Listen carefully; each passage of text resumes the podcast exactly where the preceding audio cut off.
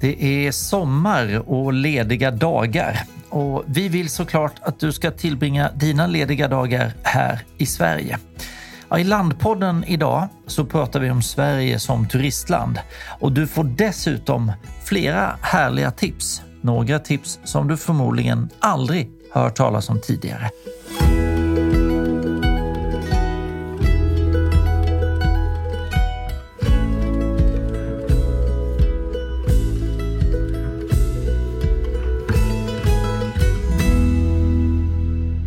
Hej och välkomna till Landpodden, en podd som görs av tidningen Lands redaktion. Jag som hälsar dig välkommen, jag heter Joel Lindroth och jag är chefredaktör på Land. Idag så ska vi hylla Sverige. Sverige som turistland, Sverige som besöksmål, Sverige som, eh, vad ska man säga, platsen för våra drömmars längtan. Eh, det kanske låter lite suspekt, men det kommer bli härligt, jag lovar. Och för att vi ska kunna göra detta på ett adekvat sätt så har vi bjudit in Niklas Kämpagård. Välkommen Niklas! Tack! För er som läser Land så är ju Niklas Kämpagård en eh, känd penna. Eh, och vi kan också säga att Niklas, du bloggar på land.se så att du är en del av Lands DNA. Men du gör ju mycket mer än så. Kan du berätta, vad, vad gör du egentligen? Ja, det kan man ju undra. Jag, jag, gör det som jag tycker är trevligt. Eh, jag skriver om eh, odling, friluftsliv, krisberedskap. Inte lika trevligt kanske, men jag tycker det är spännande att skriva om krisberedskap för att se hur man kan vara bättre förberedd på en samhällsstörning och sådär.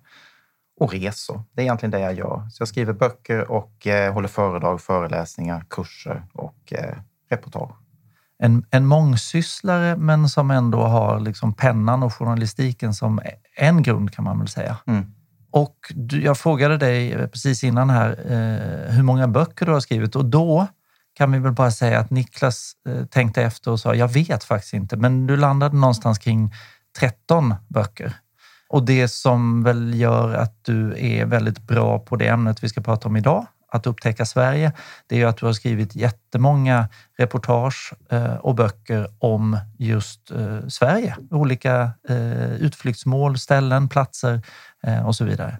Så att här finns en person som kan allt om Sverige som besöksmål i alla fall. Jag kan en del och märker ju att ju mer man är ute och åker, ju mer man läser, ju mer man googlar, ju mer man tittar och hittar och letar, desto mer guldkorn hittar man ju. Det, finns ju, det är ju ett ständigt eh, flöde av eh, nya ställen man vill åka till, nya platser, nya människor. Och det häftiga är ju att vi, vi så ofta pratar om att landsbygden håller på att dö ut och att landsbygden håller på att avfolkas och där, men det är precis tvärtom. Det är ju på landet saker och ting händer. Sen så är det ju vissa trakter i Sverige som det är väldigt dött under många månader och så blommar det upp under sommarsäsongen eller vintersäsongen eller vad man nu har för säsong. Men rent generellt så händer det oerhört mycket på landsbygden. Det som man behöver förändra sitt sätt att se det är ju det där att vi tänker ju ofta, eller många tänker när man ska resa bort så ska det vara till någonting väldigt exotiskt. Eh, långt bort. Vi, vi vill hellre till en asiatisk strand än till en svensk strand. Vi vill hellre till något Paris, café i Paris än vi vill åka till kaféet i, i, i grannstaden så att säga. Men vi måste eller måste och måste, men man kan och bör se sin egen bakgård som någonting exotiskt. Och ett enkelt sätt för att göra det, det är att ta på sig besökarens glasögon och liksom inse att, men okej, vilka är det som kommer och ser det som jag lever i som exotiskt? Ja, men det kan ju vara en amerikan, det kan vara en eh, fransman eller vad det kan vara. Och vad är det de ser som är så exotiskt? Så försöker man titta genom deras ögon så att säga och uppleva samma sak. Och när man gör det så får man en helt annan upplevelse av ganska enkla saker som ja, men till exempel en solnedgång vid stranden hemma eller att sitta vid en insjö och bara och fiska eller dricka kaffe eller vad som helst. Alltså de här enkla sakerna blir väldigt exotiska och dessutom en resanledning som man kan ta del av ofta. Mm. Ja, men det är bra. Ge, ge oss fler argument varför vi ska stanna i Sverige. Alltså det är ju ganska billigt. Man, man pratar ju ofta om att, eller man hör ofta att människor säger att det är så dyrt att resa i Sverige. Det är dyrt med hotell och så vidare. Och just i pandemin nu så kan man ju bo väldigt prisvärt. Det är ju ett, ett sätt att om man nu vågar och vill utsätta sig för den typen av risk som det alltid är, att, att eh, röra sig bland människor, så, så är ju just under den här tiden vi har nu ett väldigt bra sätt att resa. Det är prisvärt, det är inte så mycket folk någonstans, det är väldigt, väldigt trevligt. Men det är inte riktigt det jag tänker på när jag säger billigt, utan när man sätter i relation till vad det kostar att åka en vecka till Medelhavet för en familj på fyra. Och så tar man de pengarna och så ger man sig ut i Sverige med samma pengar. För vi har ofta ett annan acceptans för hur mycket en semester får kosta när vi åker långt bort än när vi åker nära. Och då tänker jag att om vi då tar 50 000, vilket många människor lägger på en, på en resa, så får man oerhört mycket upplevelser för det i Sverige. Eh, man kan ju faktiskt dessutom bo helt gratis i Sverige. Eh, det finns allt från stugor som förvaltas av länsstyrelse till, till eh, kommuner och eh, ja, det är ofta de som förvaltar dem, där man kan bo helt gratis. Det finns till och med en bok som handlar om gratis stugboende där man får tips på var man kan bo någonstans. Till mm, campingplatser, till man kan tälta eller bo på ett fint hotell eller vandrarhem. För det är ofta det som är en stor kostnad när man reser. Bo och äta. Eh, mycket upplevelser är annars gratis. Men att se närområdet och Sverige som ett exotiskt resmål och leta efter grejer att eh, grotta ner sig eller njuta av. Och då eh, fortsätter jag på det spåret. För en sak som jag tycker är väldigt intressant med att resa i Sverige, det är att liksom varje resa man gör så lär man sig ju någonting om var vi kommer ifrån. Man förstår mer av liksom sitt eget ursprung, man förstår mer av varför samhället ser ut som idag och man kan ibland också få pusselbitar att, att titta framåt. Och det kan man ju göra om man reser till Japan eller till eh, Vietnam eller vad som helst. Eh, men i alla fall mitt intryck är att man blir på något sätt helare som vad ska man säga, samhällsmedborgare när man reser till Eh, ja, men i, i, mitt fall de senaste åren eh, Jämtland eller Värmland eller vad det nu kan vara. Man förstår så här, det är därför som det här eh, har uppstått eller något sånt där. Så att man blir, man blir, en, bättre, man blir en bättre svensk medborgare på något sätt eh, om man reser hemma vid. Ja, men det är helt riktigt att, att förstå sin omgivning och sin, eh, sin plats i, i världen på något sätt handlar det ju om att, att göra. Att, att se hur har Sverige växt fram och vad har, vad har vi för historia att ta del av. Och ofta, precis som du säger, så kan man ju följa. Alltså det kan, dels så handlar det ju om rent den, den politiska utvecklingen. När har saker och ting varit stort och när har olika regioner varit stort? När har det tillhört Sverige? När har det tillhört Danmark och så vidare? Eh, men också liksom den här, jag tycker det är väldigt spännande med den här natur och kulturella präglingen som man kan se i, i landskapet. Att, att besöka ett kulturreservat till exempel. Det, är ju, det finns ett, jag tror det är 45 stycken kulturreservat i Sverige som är skyddade för sin kultur och natur. Alltså det kan vara en liten gård eller där man har hamlade träd och man har liksom skött, skött eh, skogen med blädning, alltså där man plockar ut eh, enstaka träd, en bondeskog så att det som idag är ett naturreservat. Det är ju ett sätt att ta del av Sverige, men man kan ju också ta del av en, av en å och se hur den har format landskapet och människor genom tiderna. Och liksom allt från att det har varit en fritt eh, flödande å till att mänsklig närvaro har gjort att man har förändrat vattnets krafter. Man har liksom velat förändra det så att det blir ett högre kraft i, i vattnet för att man vill flotta timmer. Och så plötsligt idag så inser vi att det var inte så bra för vi har ju tagit bort massa naturliga miljöer för en massa fiskar och, och, och groddjur och så vidare. Och så vill man då återställa det. Och det är en spännande historia att följa mm. som gör att vi förstår också varför det har blivit på olika sätt.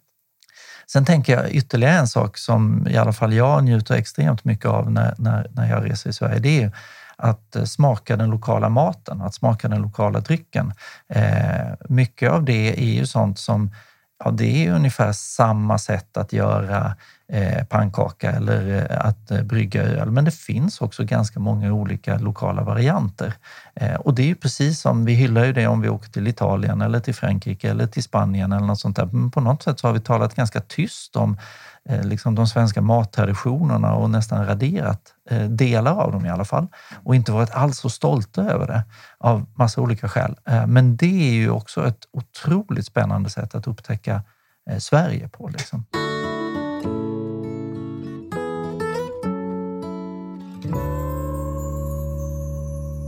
Men då har vi någonstans, eh, om inte förr, så har vi liksom slagit in ett antal spikar i en sanning att det är otroligt smart att liksom eh, tillbringa tid i Sverige, lära sig mer om Sverige.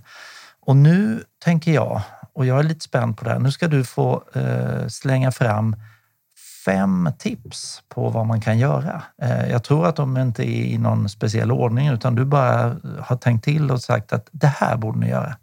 Så att jag presenterar nu eh, Niklas Kämpagårds fem besökstips i Sverige. Grejen är att vi skulle lätt kunna göra 5000 tips. Exakt. Och det är det som är grejen. Så att vi, om vi börjar med ett så har vi 4999 kvar då. Alltså, ja, vi kan hålla Det på blir, det. blir en Nej. lång poddserie det här. Ja.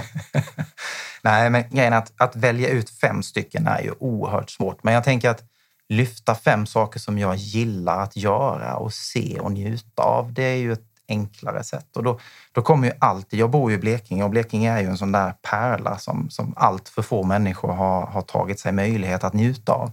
Och Blekinge skärgård är ett exempel på en sådan som jag tycker att vi bör se som en fantastisk möjlighet att uppleva en unik skärgårdsmiljö. Många när man säger skärgård så tänker man på, på västkusten och man tänker på Stockholms skärgård och man tänker på, ja det är framförallt de som, som ofta lyfts. Men det finns ju en innerskärgård i Vänern, i Vättern, insjöskärgård alltså.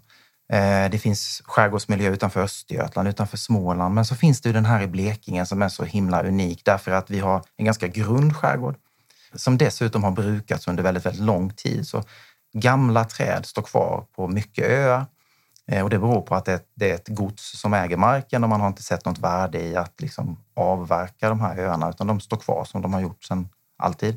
Vilket betyder att vi har ekbok och annan ädellöv väldigt långt ut, nästan ända ut i, i ytterskärgården. Och att ta sig runt där med båt eller kajak om man har möjlighet till det, eller att bara vandra alltså på fastlandet fast längs kustremsan. Det är ett fantastiskt sätt att njuta av Sverige när Sverige är som bäst. Och jag tänker Blekinge tror jag ju alla eh, liksom kan placera på kartan såklart. Vad är, det för, eh, vad är det för orter som vi pratar om som man ska titta eh, efter när vi pratar Blekinge? Alltså det, det är ju alla städerna som är liksom kustnära. I Sölvesborg där jag bor finns det i princip ingen skärgård, det är bara några enstaka öar. Sen är det Karlshamn och Ronneby som är de magiska juvelerna där skärgården är helt fantastisk. Eh, och så Karlskrona såklart, eh, världsarvet Karlskrona. Klockrent. Heja Blekinge säger vi. Ja, faktiskt. Välkommen. läget, liksom. Välkommen, precis.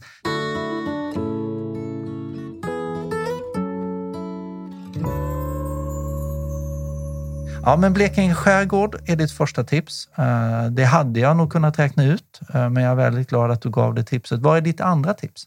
Ja, då tycker jag att vi tar oss lite längre söderut faktiskt. Vi är ju rätt långt söderut när vi är i Blekinge, men vi åker ner i Skåne och så åker vi ända in i Malmö som är en av Sveriges coolaste städer måste jag säga. Därför att den ligger ju havsnära, väldigt finblåsig på sina håll, men också väldigt vibrerande av människor från hela världen. Och allt vad det gäller mat till, till kultur och eh, natur. Eh, att bara besöka eh, parkerna inne i Malmö är ju som att besöka en eh, stadspark i Mellanöstern eller i, i Centralamerika. Det är helt fantastiskt. Ett vibrerande folkliv som jag bara älskar.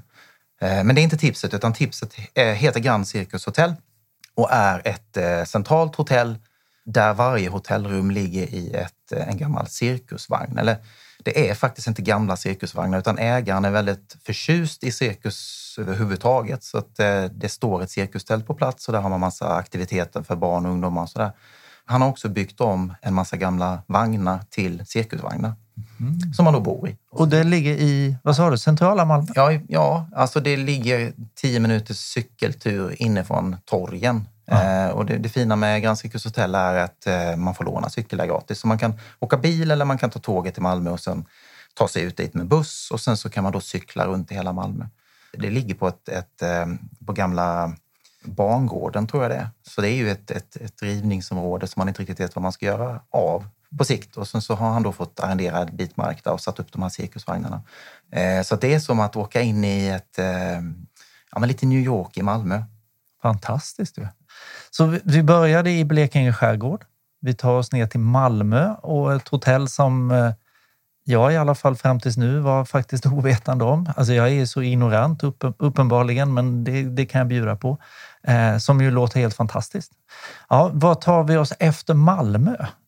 Ja, alltså, det här med hotell, nu lägger jag in ett, ett fem och ett halvt tips. Ja, för det här med, med hotell är ju ganska spännande. Alltså det finns, ju- jag bor på ett, ett helt, nu när jag är uppe i Stockholm och vi spelar in det här, eh, så bor jag på ett helt nytt hotell eh, på Söder som heter Frans.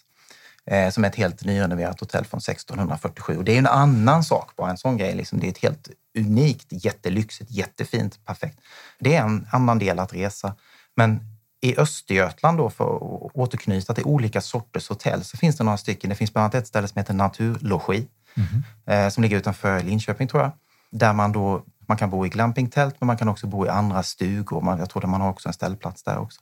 Det finns ett annan plats som är i södra Östergötland som heter Ur Natur som drivs av par som i 20-30 års tid har jobbat med natur på ett väldigt nära sätt där man bor i stugor helt utan uppvärmning, där man eldar och så vidare för att hålla värme. Alltså det finns så fantastiskt mycket saker att njuta av. Grand Cirkus Hotel, Ur Natur, Naturlogi, Hotell Frans. Ja, du ser ju. Mm. Det är liksom, Sverige är ju fullt av de här unika ställena. Man behöver inte bara bo på kedjehotell. Så att säga. Det var ett extra tips. Ja, men det, det är okej. Okay. Jag tog mig frihet. Ja, det, då har vi levererat två och ett halvt av 5 000.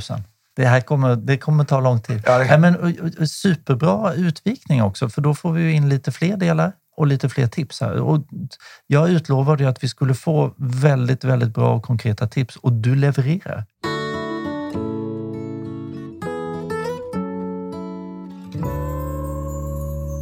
Alltså, det är bara att fortsätta. Du ja, kör vi, vi kör vidare. Vi kör vidare. Här kommer tredje tipset. Ja, här kommer tredje tips. Jag tänker så här att när, är man intresserad av någonting, det spelar ingen roll vad det är. Det kan vara goda glassar. Eh, varför ska man äta glass från någon... Ja, det kan man göra om man tycker det är gott. Men, men kedjeglassar från någon stor tillverkare är ju inte lika häftigt som att äta lokalproducerad glass där det är någon som har gjort glassen med sina bara händer. Det är ju något unikt. Så jag tänker så här att jag ger mig ut på en sommarresa så letar jag efter Sveriges bästa glass. Eller så tycker jag om våfflor och då letar jag efter de bästa våffelcaféerna. Och när man börjar tänka så, så finns ju det otroligt mycket resmål som man har kvar. Och fördelen är att i princip var man än ska åka i Sverige så finns det ett riktigt hett resmål. Loppisar, antikhandlare, glasstillverkare, små mejerier, osttillverkare. Du vet det här med halloumiostar får man inte säga när man tillverkar det i, i Sverige. Men de kallas ju för eldost och en del, det finns till och med en som heter halloumi med O eh, i, i, Sverige. Och leta upp den typen av, av eh, eh leverantörer och, och ge sig ut på en resa och söka efter dem. Det är mitt tips. att Gå in för någonting djupt in i det. Eh, utanför Botkyrka här söder om Stockholm så finns det ett eh, våffelcafé som serverar en japansk matcha-våffla. Mm. med matcha-glass, det är ju en specifik, ja, vad ska jag kalla det, det är en, det är en smaksättning i, i glassen. Just det. Eh, det finns matiga våfflor, det finns eh, grädde, våfflor med grädde och sylt. Det finns, ja, det finns allt, creperi. Alltså att se den här unika, din intressepunkt som resanledning och så letar du plats att besöka utifrån det.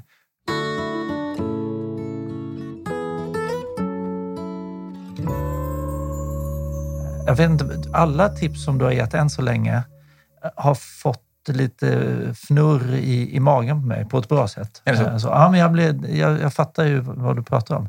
Så det bygger upp förväntningar här inför fjärde tipset. Vad, tar vi vägen då någonstans? Ja, men alltså att det handlar ju om att locka, eh, att se möjligheter i Sverige. Och jag tänker att de flesta, jag har sagt det innan, men de flesta som bor i norra Sverige har väldigt sällan varit i södra Sverige.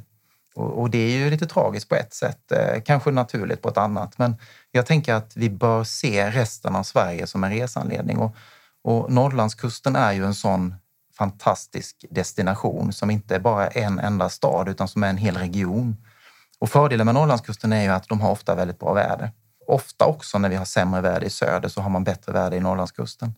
Och då tänker jag på åstäderna liksom norr om Örnsköldsvik, alltså att det är ju först då Umeå, sen är det Skellefteå, så är det Piteå, så är det Luleå. Och ni hör ju, det är massa namn på städer som, som alla känner till, men alldeles för få människor har varit i. Eh, och så, så högst upp så, så avslutas det då med Haparanda skärgård som är en sån där magisk plats. Och då tänker jag att upptäcka Norrlandskusten med tåg är lite krångligt men fullt möjligt. Eller med bil eller husbil eller med tält i bakluckan på bilen. Det är ett, ett fantastiskt sätt att uppleva sommarsverige.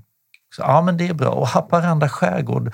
Du pratade ju tidigare om Blekinge skärgård, Haparanda skärgård. Om, om man jämför de två, är det liksom någonting som man besökare slås av? Är de, är de lika? Är de väldigt olika? Eller är det, hur, hur kan man särskilja dem? Liksom? Ja, de är väldigt olika därför att vi har ju en helt annan eh, grönska i söder.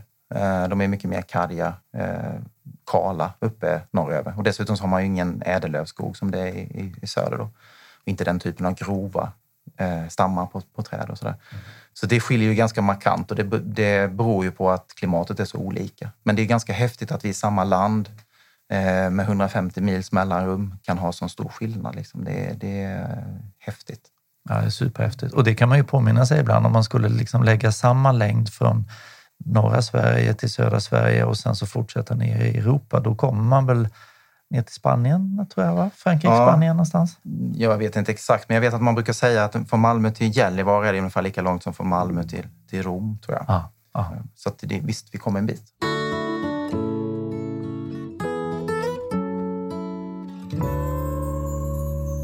Nu har du ju byggt upp eh, ännu mer förväntan. Vi har varit i Blekinge, vi har varit i Malmö, sen så har vi rört oss i intressesfären och nu så har vi varit och, och rört oss i åstäderna då.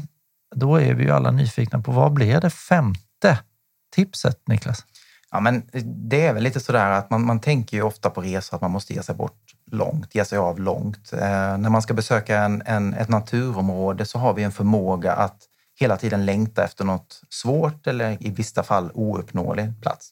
Så när man frågar människor sådär, men vandra, skulle du vilja vandra? Så säger många, ja det skulle jag vilja göra, jag skulle vilja vandra, jag skulle vilja fjällvandra, det hade varit fantastiskt. Och då tänker jag genast att fjällvandra är ju fantastiskt, men det är ganska svårt. Det är, det är långt bort, det kostar pengar, det kräver tid. Eh, man måste dessutom ha massa utrustning. Ja, du vet, det finns massa eh, motstånd som gör att många aldrig kommer iväg. Och då tänker jag att se naturen på nära håll som en möjlighet att ge sig av. Och det är också mitt femte tips. Att ta dig ut så ofta du bara kan och nyttja naturen runt omkring. Naturreservat, kulturreservat, nationalparker är fantastiska källor till, till naturupplevelser, men det är inte de enda. Och vi ska inte förakta eller förringa den helt vanliga bruksskogen. Det är tråkigt att komma till ett kalhygge, det är inte jättekul. Eh, och det har huggts ganska mycket i Sverige de sista åren har fått mycket kritik och mycket uppmärksamhet och så vidare. Men det finns fortfarande väldigt, väldigt mycket skog som är helt vanlig bruksskog som drivs och ägs av någon som gillar sin skog. Eh, och att ge sig ut i den skogen att, och vandra, eh, laga mat, bada, eh, njuta av den. Det tycker jag är det femte tipset. Och det är någonting som vi kan göra året om hela tiden. Det är inte så jätteroligt att ute i skogen när det är snorkallt i november, men det finns möjligheter, det finns dagar när solen skiner till och det blir riktigt ljuvligt även i november mm. eller januari. Och se den vanliga skogen, en skogsbacke bakom huset, en, en park om du bor i en stad, en, ett naturområde nära. Se det som en möjlighet att ge dig ut och, och se det som en, som en resa. Ja, det är ju jättebra. Den, det var mycket billigare dessutom. Det måste ju vara jättebilligt. Man tar en eh, flaska och fyller med vatten och sen så går man ut och sätter sig. Och, och, och det nämnde vi ju inte liksom initialt, men du är ju inne på någonting som är eh, helt fantastiskt och som ju också är väldigt svenskt och det är ju allemansrätten. Mm. Den ger ju oss en massa rättigheter. Den ger oss också en massa skyldigheter. Men eh, är man liksom hyfsat vid, vid sunda vätskor så förstår man var gränserna går. Annars kan man liksom kolla upp. Det finns jätteenkla sammanställningar. Du får inte göra si, du får inte göra si, men du får faktiskt göra så och så. Och den mm. ska vi ju både eh, nyttja och vårda och vara varsamma med. Men Sverige är ju fantastiskt. Alltså jag tror aldrig någon podd har varit så otroligt fokuserad på eh, hur, hur fantastiskt Sverige är. Men det är ju för att det är, det är sant. Och du har ju gett oss fem, skulle jag säga, suveräna tips. Eh, jätte, jättebra. Och just det här tänka efter att eh, resan är inte att liksom boka, köpa flygbiljett, flyga långt. Resan kan vara det lilla korta eh, som du ser omkring dig varje dag. Det handlar bara om att bli medveten om det på något sätt. Så. Mm. Jag hoppas att eh, alla håller med mig när jag säger att det här var fem av då 5 000 tips eh, som eh, vi rullar igång eh, den, den, den, de här Upptäck Sverige-poddarna eh, med. För det kommer förmodligen bli fler, det hör vi ju utan tvekan. Är det något annat som du liksom så bara, åh, varför fick jag inte säga det här? Som du känner att ja, men jag måste ju slänga in detta när vi nu pratar om hur underbart det är inför vi, vi, vi befinner oss mitt i liksom, eh, sommarens eh, värme och allt vad det innebär. Är det något som du har tänkt på som du det här ska vara med också? Nej, det är det egentligen inte, men, men jag, jag tycker liksom att, att se alla årstider, blomningens tid som övergår i någon form av explosionsartad grönska till, till liksom höstens eh, lite mer stillhet, till vinterns låghet, till, till vårens start igen. Det är ju hela tiden någonting som vi har runt omkring oss och som vi bara vi vill kan ta tag i. Mm. Jag vet att jag, jag, tog del av en, en studie för ett tag sedan som, som har tittat på hur mycket procent av vår tid som vi människor tillbringar utomhus. Och då genast så känner man ju att jag är ute ganska mycket. Eller många känner så. Jag är ute ganska mycket. Jag springer ute, jag går till jobbet. Jag kan till och med jobba ute. Alltså, så jag är nog ganska bra. Men i snitt så är vi svenskar inomhus 91 procent av vårt liv. Oj, Eh, och om jag inte minns fel så var det 5-6 procent som vi är utomhus och då är all tid i det inkluderat att eh, ta sig till bussen, eh, gå mellan huset och bilen och du vet all tid som vi då tillbringar för att ta oss någonstans. Och det finns inga siffror på exakt hur mycket tid vi tillbringar rent omgivna av natur, men det är väldigt lite. Och det är ju någonting som man kan ha med sig när vi vet att naturens dofter, ljud, eh, stillhet gör att vi mår väldigt bra. Mm. Och nu, vi är ju i en tidsålder där människor inte mår så bra. Och då tänker jag att naturen är ju en oerhörd, dessutom en gratis källa till välmående mm. och att vi måste ta vara på det. Och därför så var mitt femte tips just om att vara ute så mycket som möjligt. Ja, det stämmer ju till någon form av eh, existentiell eftertanke. Att tänka att 91 procent av ens liv tillbringas inomhus med allt vad den innebär. Eh, och just som du säger, liksom det moderna ordet skogsbad vet vi ju är liksom lugnande för, för allt. Så det måste vi ju ta med oss utan tvekan. Niklas, eh, tack så hemskt mycket för att du har varit med i den här podden. För er som vill eh, stifta bekantskap med, med Niklas Kämpargård så finns du då i en blogg på land.se. Du finns i ett otal olika publicerade böcker. Du skriver i en mängd olika tidningar, bland annat Land. Då. Eh, och du har ju också närvaro på sociala medier. Var hittar man dig där? Ja, det, det som jag är mest aktiv i det är ju på Instagram som heter niklas.kampargard. Och jag som följer bloggen kan rekommendera den varmt. Jag kan också rekommendera dina böcker. Det här blir som en hyllning till Sverige och till Niklas Kämpargård. Lite patetiskt, men det får man väl ta.